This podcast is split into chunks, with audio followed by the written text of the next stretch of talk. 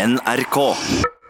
Men presangene er pakket opp, Skjæveland. Ja, og, og nå skal ikke jeg høres ut som om vi er 250 år gamle, for det er vi ikke, men vi må vel innrømme at det har skjedd en liten endring i eh, julegavene fra når vi var små.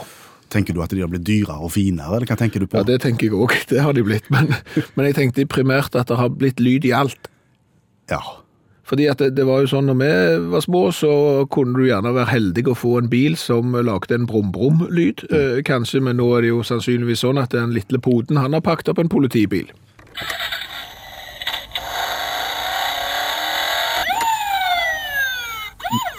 Sirene må han ha, sant? Og så kan du tenke deg når, når lillebroren hans igjen da ikke fikk politibil, han fikk brannbil istedenfor. Så har du så har du kanskje ei lita niese, vet du, som har fått et sånn et legebarne-TV. Og storesøstera hennes fikk gjerne en katt. Så var det de litt større ungene, de syntes jo at det ble litt barnslig, så de ville jo gjerne ha Angry Birds. Og så var det en som skulle være kjempeskoien, han ga de en sånn en hund, som når du trykker på den hunden, så lager han Hund med fise- og rabelyder, det er jo selvfølgelig. Og så hun som er eldst, hun som snart er 15 år, og som eh, skal stå konfirmant, eh, og som liker Justin Bieber, fikk jo da Justin Bieber-tannkost som spiller mens du pusser tennene.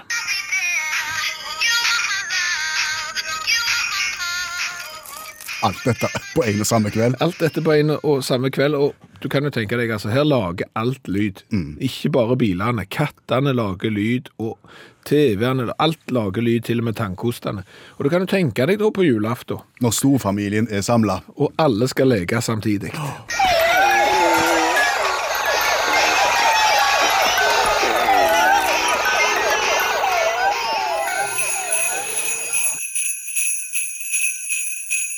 For nå er vi kommet inn på eh, topp tre på lista vår over julehistorier fra utaktlyttere. Julehistorier som forteller om da de er galt i jula. Ja, og vi starter med tredjeplassen, som Elin har sendt inn, og som forteller om når naboens schæfer angrep julenissen.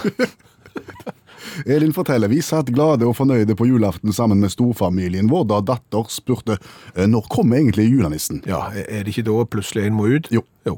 Eksmannen eh, skulle da selvfølgelig bare ta seg en tur ut for å sjekke noe i garasjen. Etter ei stund så fikk en se en noe underlig julenisse vandre rundt i hagen vår. Hvorfor var den underlig? En- Nissen var, eh, ifølge Elin, en slags klo kloning av Derek og en los. I, I knallrød vinterredningsjakke, der han vandrer stillferdig rundt. Men så plutselig så hører de det hun kaller et helsikesbråk.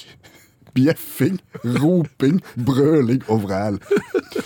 Naboens schæfer hopper over gjerdet og springer i vill fart etter den rare julenissen. Alle i familien knekker sammen i et gedigent latterkick. Etter en stund så roer situasjonen seg, og nissen, eller rettere sagt det som var igjen av nissen, kommer tuslende inn, og da blir det jul i stua. Det er herlig. Det er herlig.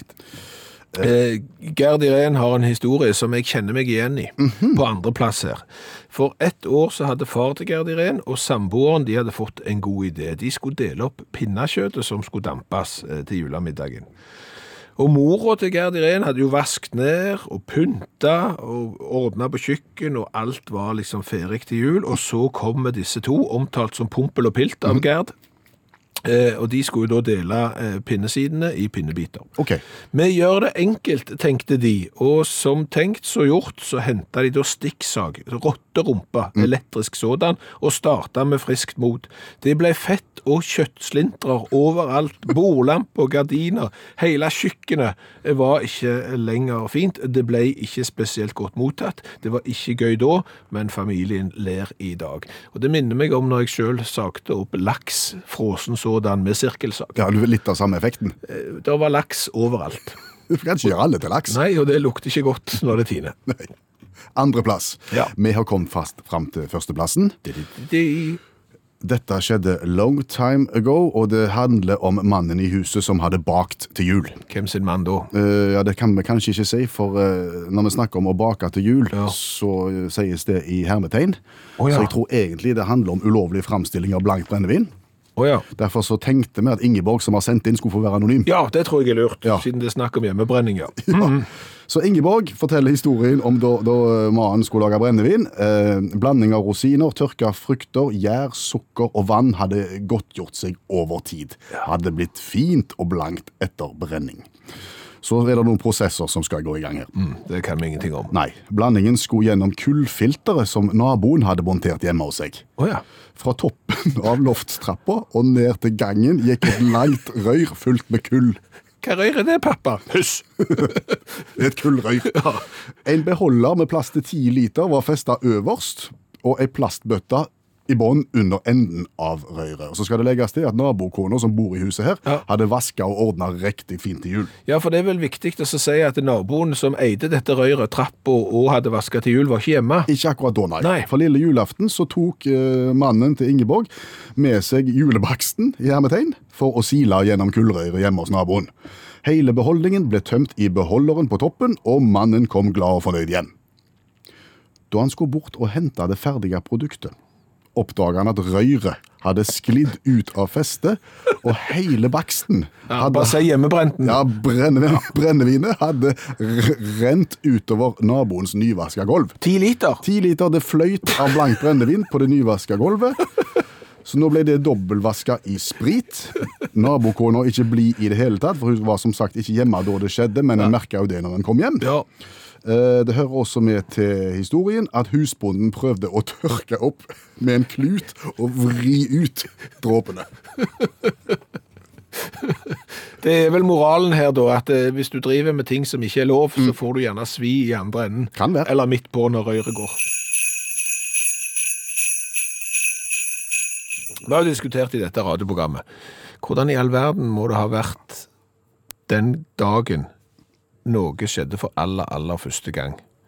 Når noe ble oppdaget eller ble prøvd for aller, aller første gang. Ja, Vi har snakket f.eks. om den første sigaretten som noen prøvde. Ja, det er liksom sånn, ja, vet du hva, jeg har noe her eh, som har ligget og tørka. Kanskje jeg skal hakke det opp i små biter og sette fyr på det, og så skal jeg trekke ned røyken inn i lungene, for det er sikkert behagelig. Ja. Skal komme på det Ja, du skal det. Det samme med popkorn. Altså, hvordan var det den dagen det smalt for første gang? Boss! Uff. Hva, hva, hva var det? Hva var det? Så- Det må jeg spise. Ja, det, det var kvitt, Ja. og, og jaggu var det godt. Ja. ja. Eh, Så sånne ting har vi diskutert, og da lurer jo jeg litt på hvordan det oppsto aller, aller, aller, aller første gang noen fant ut at vet du hva, jeg tror jeg skal ta inn et tre i stua. Siden det er jul, tenker du. Ja.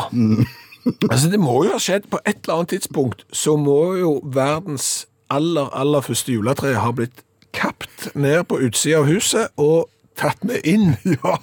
Og, og, og du- det gir seg ikke sjøl.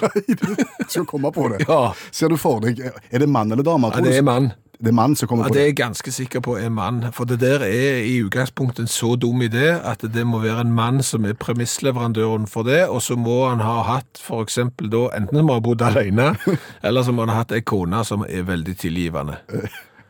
Ser du for deg på en måte dialogen her? Den er ikke lett å se for seg, men, men det er jo sånn, vet du hva, når jeg kom på noe? Ja. Skulle ikke ha pynta? Jo, selvfølgelig kan vi pynte. Ja, hva skal vi pynte med da? Nei, vet du hva, jeg foreslår at nå går vi ut, så hogger vi ned et tre, ikke hvilket som helst, et sånn et grønt, Ja. og så tar vi det inn i stua. Inn, tenker du det? Ja, for det er jo sånn at du tar gjerne og, og klipper ned noen blomster og setter de i en vase og tar dem inn til pynt. Ja. Nå foreslår jeg at vi tar et helt tre. Eh, s- Ja vel? Eh, Skal og- det bare stå der? Nei, nei, nei, eh, så tar vi og henger ting på det. Ja, det ja. Ja, vi, vi dekorerer det med, med noe. Skal det stå lenge? Ja, det, det står til det begynner å drysse iallfall. Ja. Og så kan vi eventuelt vurdere om vi tar det ut der etterpå. Og, og blir, det, blir det litt Vet vi ikke helt hva vi skal gjøre med det når det står der, så kan vi gå rundt det. Det kan vi gjøre. Ja. Skal vi bare gå, eller skal vi synge? Men... Nei, altså I utgangspunktet så tenkte jeg bare vi kunne gå, men det går gjerne an å synge òg. Der må vi føle oss fram. Dette, la oss si at dette var hos Svendsen sine, da. Ja. Så er da Jacobsen sine på besøk, ja. og så ser de jo dette her for første gang. ja. De må jo ha lurt. Ja, det er klart de må ha lurt, og, og det som jo er det rare, er at dette er jo blitt en tradisjon i millioner av hjem. Så, så noen da, når de har oppdaget at Svendsen hadde det for aller første gang, må jo ha hatt lyst til å gjøre det sjøl. Ja, det jeg sier, Da går Jacobsen hjem og gjør det samme. Ja. Og så kommer Nilsen Ja. og Olsen og alle vann. Ja. Så har du det gående. Ja. Det må ha vært rart aller, aller første gang et juletre kom inn i ei stue. Altså, Mens du snakker nå, så har jeg søkt bitte litt på, på internettet. Alt som står på internett, er sant. Det har vi lært. Altså, Skikken med å pynte juletrær utendørs eller i offentlige lokaler. Ja. Da skal vi til Sør-Tyskland på 1500-tallet. Eh, Da var det håndverker og kjøpmannslaug gjerne, som pynta med epler og søtsaker, og medlemmenes barn fikk høste treet 13. dag jul. En slags juletrefest, det da, på en måte. Jo, jo, men allikevel, la oss nå si da, eh, for the sake of the argument her, at, at det var første gangen. Ja. På en eller annen tysk såkalt juletrefest, at en eller annen sånn kjøpmannslaug. Ja vel, da er det Dieter som har ansvaret for de, dekorasjonen på denne festen. Og hva foreslår du, Dieter? Ja, jeg foreslår å ta inn et tre. Og, ja vel, og så skal du henge Nei, så vil jeg ha epler på det. Uh, ja, men det er ikke et epletre. Nei, det er Og så, men så går de i gang allikevel. Og så frister det så de andre kjøpmannslaug, så turer i gang de òg. Det er her det begynner, og så, og så sprer det seg etter hvert til private hjem. Ja. Først hos de rikeste, og så de litt mindre rike, og så til allmuen til slutt. Og nå har vi det alle sammen. Ja, nå har vi det òg. Vi i allmu- allmuen har det òg nå. Utakt julespesial hører du i NRK P1, og jeg ble sittende i heimen Skjæveland og se på den underligste skapning. Hva? Hørtes det lyrisk ut? Ja, det hørtes lyrisk ut. Jeg håpet det ikke var kona du snakket om. Nei, jeg ble sittende og se på Amaryllisen. Velkjente Amma Starves Jeg tror det er med én M og to L-er. Og en I på slutten. Amaryllis. Amaryllis, ja. Ja, eh, For kjennere enkelt, for ikke-kjennere en blomst som en gjerne tar inn i jula, og som vokser uhorvelig fort. Ja, hva er uhorvelig fort her? Uhorvelig fort. Jeg ble, jeg ble sittende og se på den, jeg ble sittende og beregne litt, fordi at den ble kjøpt som en, som en løk med en liten, en liten stubb opp av løken. Bare et par centimeter opp forbi jorda? Ja. Ja. Og i løpet av ti dager ja. Så var den blitt 60 cm høy. Ti dager? Ja. Så du, altså, du kan bokstavelig talt se at den vokser? Ja, det, hadde jeg blitt sittende lenge nok, så hadde du kunnet sett det. Ja. Ja. Fascinerende. Snøs, altså en drøy halvmeter på ti dager. Et vanvittig Hadde de gjerne trav? Hadde de gjerne trav? Det skulle bli ferdig til jul. Men hva var det du tenkte da? Nei, jeg, jeg, jeg måtte jo finne litt ut av denne her blomsten. Tropisk blomst. Tropisk blomst, stammer fra Sør-Amerika. Ja, Eh, Overlever ikke utendørs, men altså blitt en populær jule- og vinterblomst i norske hjem i forbindelse med jul. en hurtigvoksende jule- og vinterblomst i norske hjem. På alle måter. Nei, det jeg tenkte var, var den her egenskapen. Tenk om en kunne klart å overført poda et eller annet av den voldsomme vekstegenskapen til amaryllusen inn i andre vekster. Ja, litt sånn som at du har genmanipulert mais som skal gjøre et eller annet, og så har jeg hatt en genmanipulert annen ting som skulle gjøre at den ligner på en amaryllus. Ja, eller hvis du rett og slett tar noe som du har lyst skal vokse fort, Ja, og så, og så henter du vekstegenskapene og får, får lurt deg inn i dette på en eller annen måte. Ta, for- ta gulrot. Det kunne blitt interessant. Jeg, jeg vet du er en gründer, Skjæveland. Ja, ja, her, her, her er det potensial. Da tar du da og poder eller blander en amaryllus og en gulrot. Så setter du et gulrotfrø, og, og da ca. ti dager etterpå så har du en god halvmeter med gulrot. Ja. da slipper du å kjøpe tolv, da kjøper du bare én. Ja. Det, det tror jeg kunne vært noe. Der er det jo et potensiell på andre ting òg. Tomater og agurker og alt jeg kunne tenk. vært hurtigvoksende. Du, du hadde jo fullt drivhuset med tomater på, på eh, ei snau uke, og en agurk hadde jo blitt en halvmeter på tre kvarter. Ja, og du må gjøre det innendørs. Som, som jeg sier, det er jo en, I og med at han stammer fra Sør-Amerika og liker seg best i varmen, så nytter det ikke ute. Vet du hva? Nå, nå, nå kom vi på noe genialt der. Fordi at jeg har vært og kjøpt juletre. Og når du kjøper juletre, sant, så har du jo prøvd å få det juletreet inn i bilen. Det er jo langt, sant? Og hvis du da ikke har takrenn, så må du improvisere. Og det vil si at du må kjøre med døra åpen bak og den slags. Tenk nå bare hvis du hadde kunnet kjøpt deg et juletre, som var egentlig en sånn juletre amaryllus.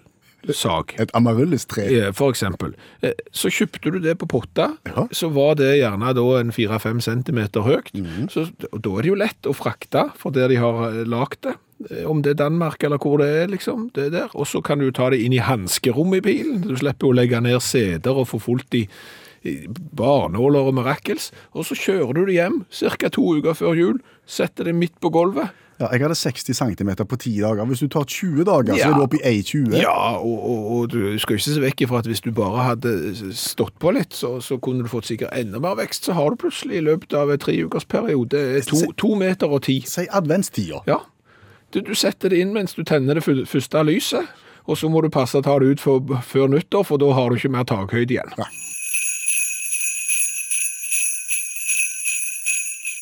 Hvis du har hørt på Utakt det siste året, så har du fått med deg at vi har vært borti mye gammel mat. Ja, og det toppet seg med et måltid som til sammen var gått ut på dato for over 400 år siden. Det var kjøttkaker fra 1945, det var rabarbrasyltetøy fra 1942, det var plommer fra 1945, det var selters fra 50-tallet, og ja, det var gammelt som bare det. Men det gikk bra. Ja, sitter her i studio ennå, og det var ingen usmak. Nei. Og dette her ble jo egentlig til en svær nasjonal dugnad etter hvert. Eh, Temaet var jo også å, å spise mat som var utgått på dato, men ikke nødvendigvis så gammel mat. Men, men vi ba jo om å få tilsendt gammel skit som, som lå i skap og skuffer, og det kom så mye, og det er ikke alt vi har rukket over. Og én godbit har vi gjemt, siden den passer best når det er jul. Ja, for Johannes eh, Sandal, han eh, har en far, eh, hadde en far, som jobbet på Hansa bryggeri i Bergen. Det betyr at eh, far til Johannes eh, tok med seg eksklusive flasker eh, hjem og hadde sin egen samling som ble stående. Johannes har vært og napt litt i den samlingen der, og sendt oss noen eksempler som vi kunne teste, og, og, og finne ut hvordan smaken av dette når det er så gammelt. Vi snakker juleøl. Vi snakker Hansa juleøl, og ifølge Johannes så er den fra slutten av 70-tallet. Litt uvisst, men, men rundt 40 år gammel juleøl. Eh, Hvordan ser det ølet ut? Det er jo glassflaske. Eh, Så er det gulletikett eh, der det står Hansa juleøl på, og så er det sånn en gullmetallic topp Ja. på den. Kan vi si noe om eh, beskaffenheten til ølet, sånn som det ser ut fra utsida av flaska? Prøvd å lyse igjennom, og det er litt båndfall, men bortsett fra det, så, har det jo den fargen som juleøl skal ha. Men det er jo en gjennomsiktig glassflaske, det er ikke sånn en mørk glassflaske, så om den her har stått på hylla i samlingen til far til Johannes, og hvordan det har påvirket den, det vet ikke jeg. Nei. Våger du å prøve den? Ja, ja, det våger vi. Det kan vel ikke gå mer enn galt. Eh, Nå skal vi åpne flaska, og da har vi tatt litt HMS-ansvar her. Ja, for ifølge Johannes igjen, så kan dette bruse over når det har stått eh, så lenge, så vi har funnet fram en eh, liten søppelbøtte, og så åpner han oppi der. Én, to, tre. Hvordan gikk det? Det var ikke mye fare for at den bruste over, for å si det fint, for her var det ikke tendens til kullsyre. Den forsvant gjerne på 80-tallet. Paddeflatt. Helt 110% paddeflatt. Den skummer ikke, den bruser ikke, den er ingenting. Å fy off, inn i hekken den lukta. Oi sann. Kan du beskrive lukta for oss? Silo. Nei, jeg tuller ikke. Det lukter Det lukter fjøs, altså, der, der du har kommet inn og funnet silosaft. Oh, Vil du smake den? Ja, vi gir den en liten.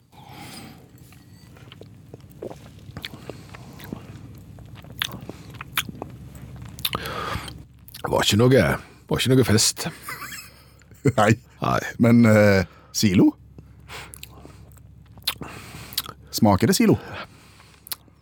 Hvorfor slutter du å snakke nå? Nei, jeg vet ikke. Jeg, jeg sitter og kjenner på den ettersmaken som, som er ytterst eh, spesiell. Jeg kan vel bare si det at har du juleøl som har stått på ei sånn pyntehylle siden eh, 70-tallet, så er det ingen vits i å åpne den og drikke den. Det var kjempevondt, og, og det lukta enda verre. Jeg tror vi må ut og drikke noe vann, eller noe annet. Men tusen takk til Johannes. Ja.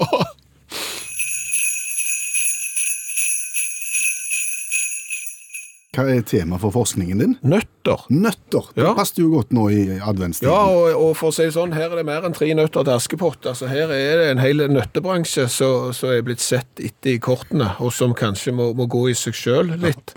Hva, hva har du funnet ut? Nei, altså, jeg kom over en artikkel i det renommerte nettidsskriftet moneyinc.com. Det var Money Inc. Money Inc. Ja, moneyincorporated.com. Velrenommert. Det tror jeg, for jeg har aldri hørt om det før. Ikke heller. Eh, journalisten Benjamin Smith som har skrevet en artikkel over de ti mest eh, kostbare nøttene i verden. Akkurat. Ja. De mest kostbare. Ja. Ja vel. Altså, Det er mange nøtter i verden, Ja. eh, men det er bare ti som kan være på topp ti-lista over de dyreste og mest kostbare nøttene. Men hva går forskningen din ut på, bortsett fra å referere til han i Money Inc? At eh, de, noen av de dyreste nøttene i verden er noen av de billigste i Norge. Mens noen av de billigste nøttene i verden er av de dyreste i, i Norge. Altså, Norge er motsattlandet når det gjelder pris på nøtter. Dette er interessant. Ja, og I tillegg da det spriker det veldig innad i både enkelt, enkelte butikker. Altså, En, en nøtt kan koste 222 kroner kiloet, mens den samme nøtta bare i en annen innpakning kan koste 400 kroner kiloet innad i den samme butikken. Det er òg oppsiktsvekkende. Skal vi begynne med Det som er essensen i forskninga mi her, ja. det er jo at eh, de ti mest dyre Mest dyre, ja. de dyreste nøttene i verden? Ja, eh, der er, er det sånn at hasselnøtten Ja. den er på tiendeplass. Det er en av de rimelige nøttene. Ja. Eh, Pistasjenøtten på andreplass. Og så går det nedover da med pekan og paranøtter og valnøtter og cashew, cashew og de der nøttene der. Ja. Før du da kommer eh, til plass nummer ni, pinjenøtter, som er nest dyrest, og makademianøtter, som er de dyreste nøttene i verden. Pinjenøtter nest dyrest. Mac Macarena. Maca... Ayapoquia macadamianøtter, Ja. de er de dyreste nøttene i verden. Nettopp. Og så viser det seg jo det at på tredjeplass over de tredje mest dyreste veldig vanskelig å si, merker du det? De tredje dyreste nøttene i verden Ja. er Mandler. Mandler, ja. Og, og det er fordi at klimaet for å lage mandler det skal være veldig spesielt. Sånn at det er California da, som produserer 82% av verdens mandler, eh, og så supplerer de litt fra Iran og Marokko og Spania på de resterende 18 prosentene. Og du må ha det rette klimaet, og det tar tid. For et eller annet tre kan ikke begynne å produsere mandler før det er fire-fem år gammelt, og det er liksom ikke på mandeltoppen når det gjelder produksjon, før det er tolv år gammelt. Det er liksom da det piker eh, i produksjonen på, på dette mandeltreet. Så du ser, dermed blir mandler ganske dyre. Yes. Men Ikke i Norge. Ikke i Norge. I Norge er mandler kanskje en av de billigste nøttene du kan kjøpe. Og dette er det det du har fordypa deg mest i? Ja, Syns du ikke det er oppsiktsvekkende? Jo, jo, jo. Altså, Men- fordi at vi produserer jo ikke mandler sjøl, det har du sagt. nei, men altså, hvor mange nøtter produserer vi sjøl? I det hele tatt. Altså, kjenner du til en stor norsk industri der du produserer nøtter fra bånn, går ut og plukker det på tre? Du gjør ikke det. Ikke andre enn de som Roald Øyen produserer til påske. Ja, Og han produserer ikke lenger heller. Så det er slutt på det Så òg. det er slutt på det òg. Så, så påskenøtter og julenøtter det teller ikke i denne sammenhengen. der. Nei. Så Derfor så tenker jo jeg at alle nøtter stort sett som vi får til landet her, de er jo importert. Ja. Og, og det er klart når California da er hovedprodusent av mandler, så er vel sjansen for at de mandlene vi får til Norge, er produsert i California, de òg. Og hvorfor er de da den tre dyreste nøtta i verden, mens det er i Norge så er den billigere enn eh, hasselnøtter, valnøtter, paranøtter, cashew, pistasje og all slags annet. Det kan jeg ikke svare på. Nei, det kan ikke jeg heller svare på. Nei, du- så, så langt går ikke journalistikken min. Men det, jeg syns det er oppsiktsvekkende det jeg har funnet ut. Det vi er enige om, da, eh, internasjonalt og i Norge, det er at eh, pinje, nest dyrest, og macadamia-nøtter er dyrest. Og i Norge 1000 kroner kiloen fort for macadamia-nøtter i Norge. Men mandlene, det er den store X-en her. Ja, hvis du ikke har fjerna de.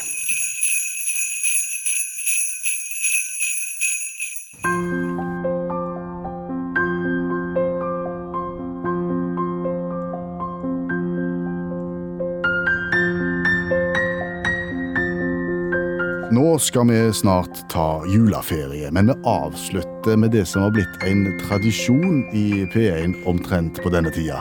Claes Gill som leser historien om De små armene. skrevet av Andreas Jacobsen, eller Ajax fra Stavanger, som hadde en eventyrlig evne til å skrive enkelt om vanskelige ting. Som de små armene. Det var bare ei uke igjen til julaften. Og Johanna og han broremann holdt på å pakke inn julepresangene. De sang mens de gjorde det, for ingenting er så godt å pakke inn etter som en god og gammel julesang. Ikke noe lager som vinner bretta på papperet så deilig er jorden. Og aldri blir sløyfene så flotte som når du knytter de til tonene fra 'Her kommer dine arme små'. Pakkene var ikke store, og det som var inni, de var ikke dyrt. Men både Johanna og han broremann sang så det skulle være pelskåper. Og mansjettknapper av gull de pakte inn. Plutselig stoppet han broremann og så grunnende på Johanna. Og Johanna, som kjenner blikket, var med en gang klar over at hun kunne forberede seg på å besvare vanskelige spørsmål. Hvorfor er det bare de små armene som kommer i stall at gå? spurte broremann. Johanna, som ikke var riktig med på nodene, klydde seg på leggen, noe som gir svært godt på tenkinga. Bare de små armene, sa hun for å vinne tid. Ja, nettopp de små armene. Han broremann hørtes utålmodig ut. Vi sang jo nettopp 'Her kommer dine arme små'. Johanna klydde seg på leggen igjen, svært lenge denne gangen. Arm betyr fattige, sa hun da kløinga begynte å virke på fantasien. Nå lyger du godt. Han broremann sendte meg et sint blikk. Du lyger så det renner over deg. Arm er arm, og hvis du kan få en arm til å være det samme som fattige, så burde du gi ut en ny lesebok for folkeskolen. Det ble ei svær kløing på leggen igjen. Denne gangen så lenge at han broremann fikk tid til å gå ut på kjøkkenet og finne seg ei skjeve. Det var akkurat det pusterommet Johanna trengte. For da han broremann kom inn igjen, var fantasien i full beredskap. Nå skal du komme og sette deg ved sida av meg, sa Johanna, for nå vet jeg hvordan det er. Nå skal du få høre alt om de små armene. En arm er altså ikke det samme som fattige, sa han broremann. Kan skjønne det ikke det. Hun Johanna sto ut med hånda. En arm er en arm, akkurat som en fot er en fot. Og de armene som det står om i julesangen, er armene til noen små unger som jeg skal fortelle deg om nå. Du er vel aldri ute på lyging igjen? Han Brormann sendte et mistenksomt blikk. Hvis jeg lyger nå, sa Johanna, så skal jeg stå på hendene på taket, ytterst ute på taket på det nye hotellet. Jeg tror deg, sa han Brormann og satte seg godt til rettes. For mange hundre år siden, begynte Johanna, hendte det at det kom et lite barn til hver i en stall i en by i Jødeland. Dette barnet var kommet til verden for å hjelpe alle de som hadde det vondt. Særlig de som hadde tunge ting å slite på. Du vet å slite på tunge ting røyner på armene, brormann. Bare prøv å trekke ei håndkjerre eller dra ei rulle. Det er tungt, det. Han brormann var enig og sa ingenting. For at alle de som sleit på tunge ting, skulle bli glade, fortsatte Johanna, kom det noen engler ned på jorda for å fortelle om det lille barnet i stallen, det som var kommet til jorda for å hjelpe. Hvem de møtte, forteller de at nå kunne de slutte å slite på tunge ting. Det var ikke nødvendig lenger. Det lille barnet skulle greie med de tunge tinga. De fleste bare lo av englene, særlig de med store og sterke armer. Ed baden, sa de. Hvor skal et baden klare det med baske med? De, de viste englene musklene sine. Kjenn på de, sa de. ja? Det er sånt som må til for å klare tunge ting. Det er noe annet enn et baden i en stall. Englene kjente på musklene. Skrøpelige greier, sa de. Badene i stallen er sterkere. Da ble de med de store, sterke armene sinte og sa at englene kunne grave seg opp i himmelen igjen. Eller skulle de vise dem hva kraftige muskler kunne brukes til? Føy englene opp i himmelen igjen, spurte han broremann. Kanskje skjønne de gjorde ikke det, sa Johanna. Englene er ikke sånn. De blir ikke fornærma fordi om noen breser seg med svære muskler. Istedenfor å fyke opp til himmelen gikk de rundt og vekte alle de små båndene i Jødeland. De som hadde tynne og små armer, og sa at nå måtte de kle på seg og gå til Betlehem, for der i en stall var det et lite barn som ville hjelpe dem hvis de hadde tunge ting å slite på. De fleste av båndene ble glade og begynte å kle på seg, for ennå de hadde sovet lenge, så kunne de kjenne hvordan det verket i armene av ting de hadde balt med mens de lekte om dagen. Bare fyll stjerna, sa englene, og vær ikke redde, for vi fyker omkring i nærhet og passer på dere. Lær oss en sang først, sa ungene. Det er lettere å gå når vi synger. Det er langt til Betlehem, og beina våre er like så små som armene. Ja, dere skal få en sang, sa englene og smilte. Syng denne. Her kommer dine arme små, o Jesus i din stall at gå. Opplys enhver i sjel og sinn at finne veien til deg inn. Fant ungene stallen? spurte han brormann. Alle som har små armer, finner stallen, sa Johanna. Det er bare de som er krye av de store musklene sine, som går i tortlevase på veien.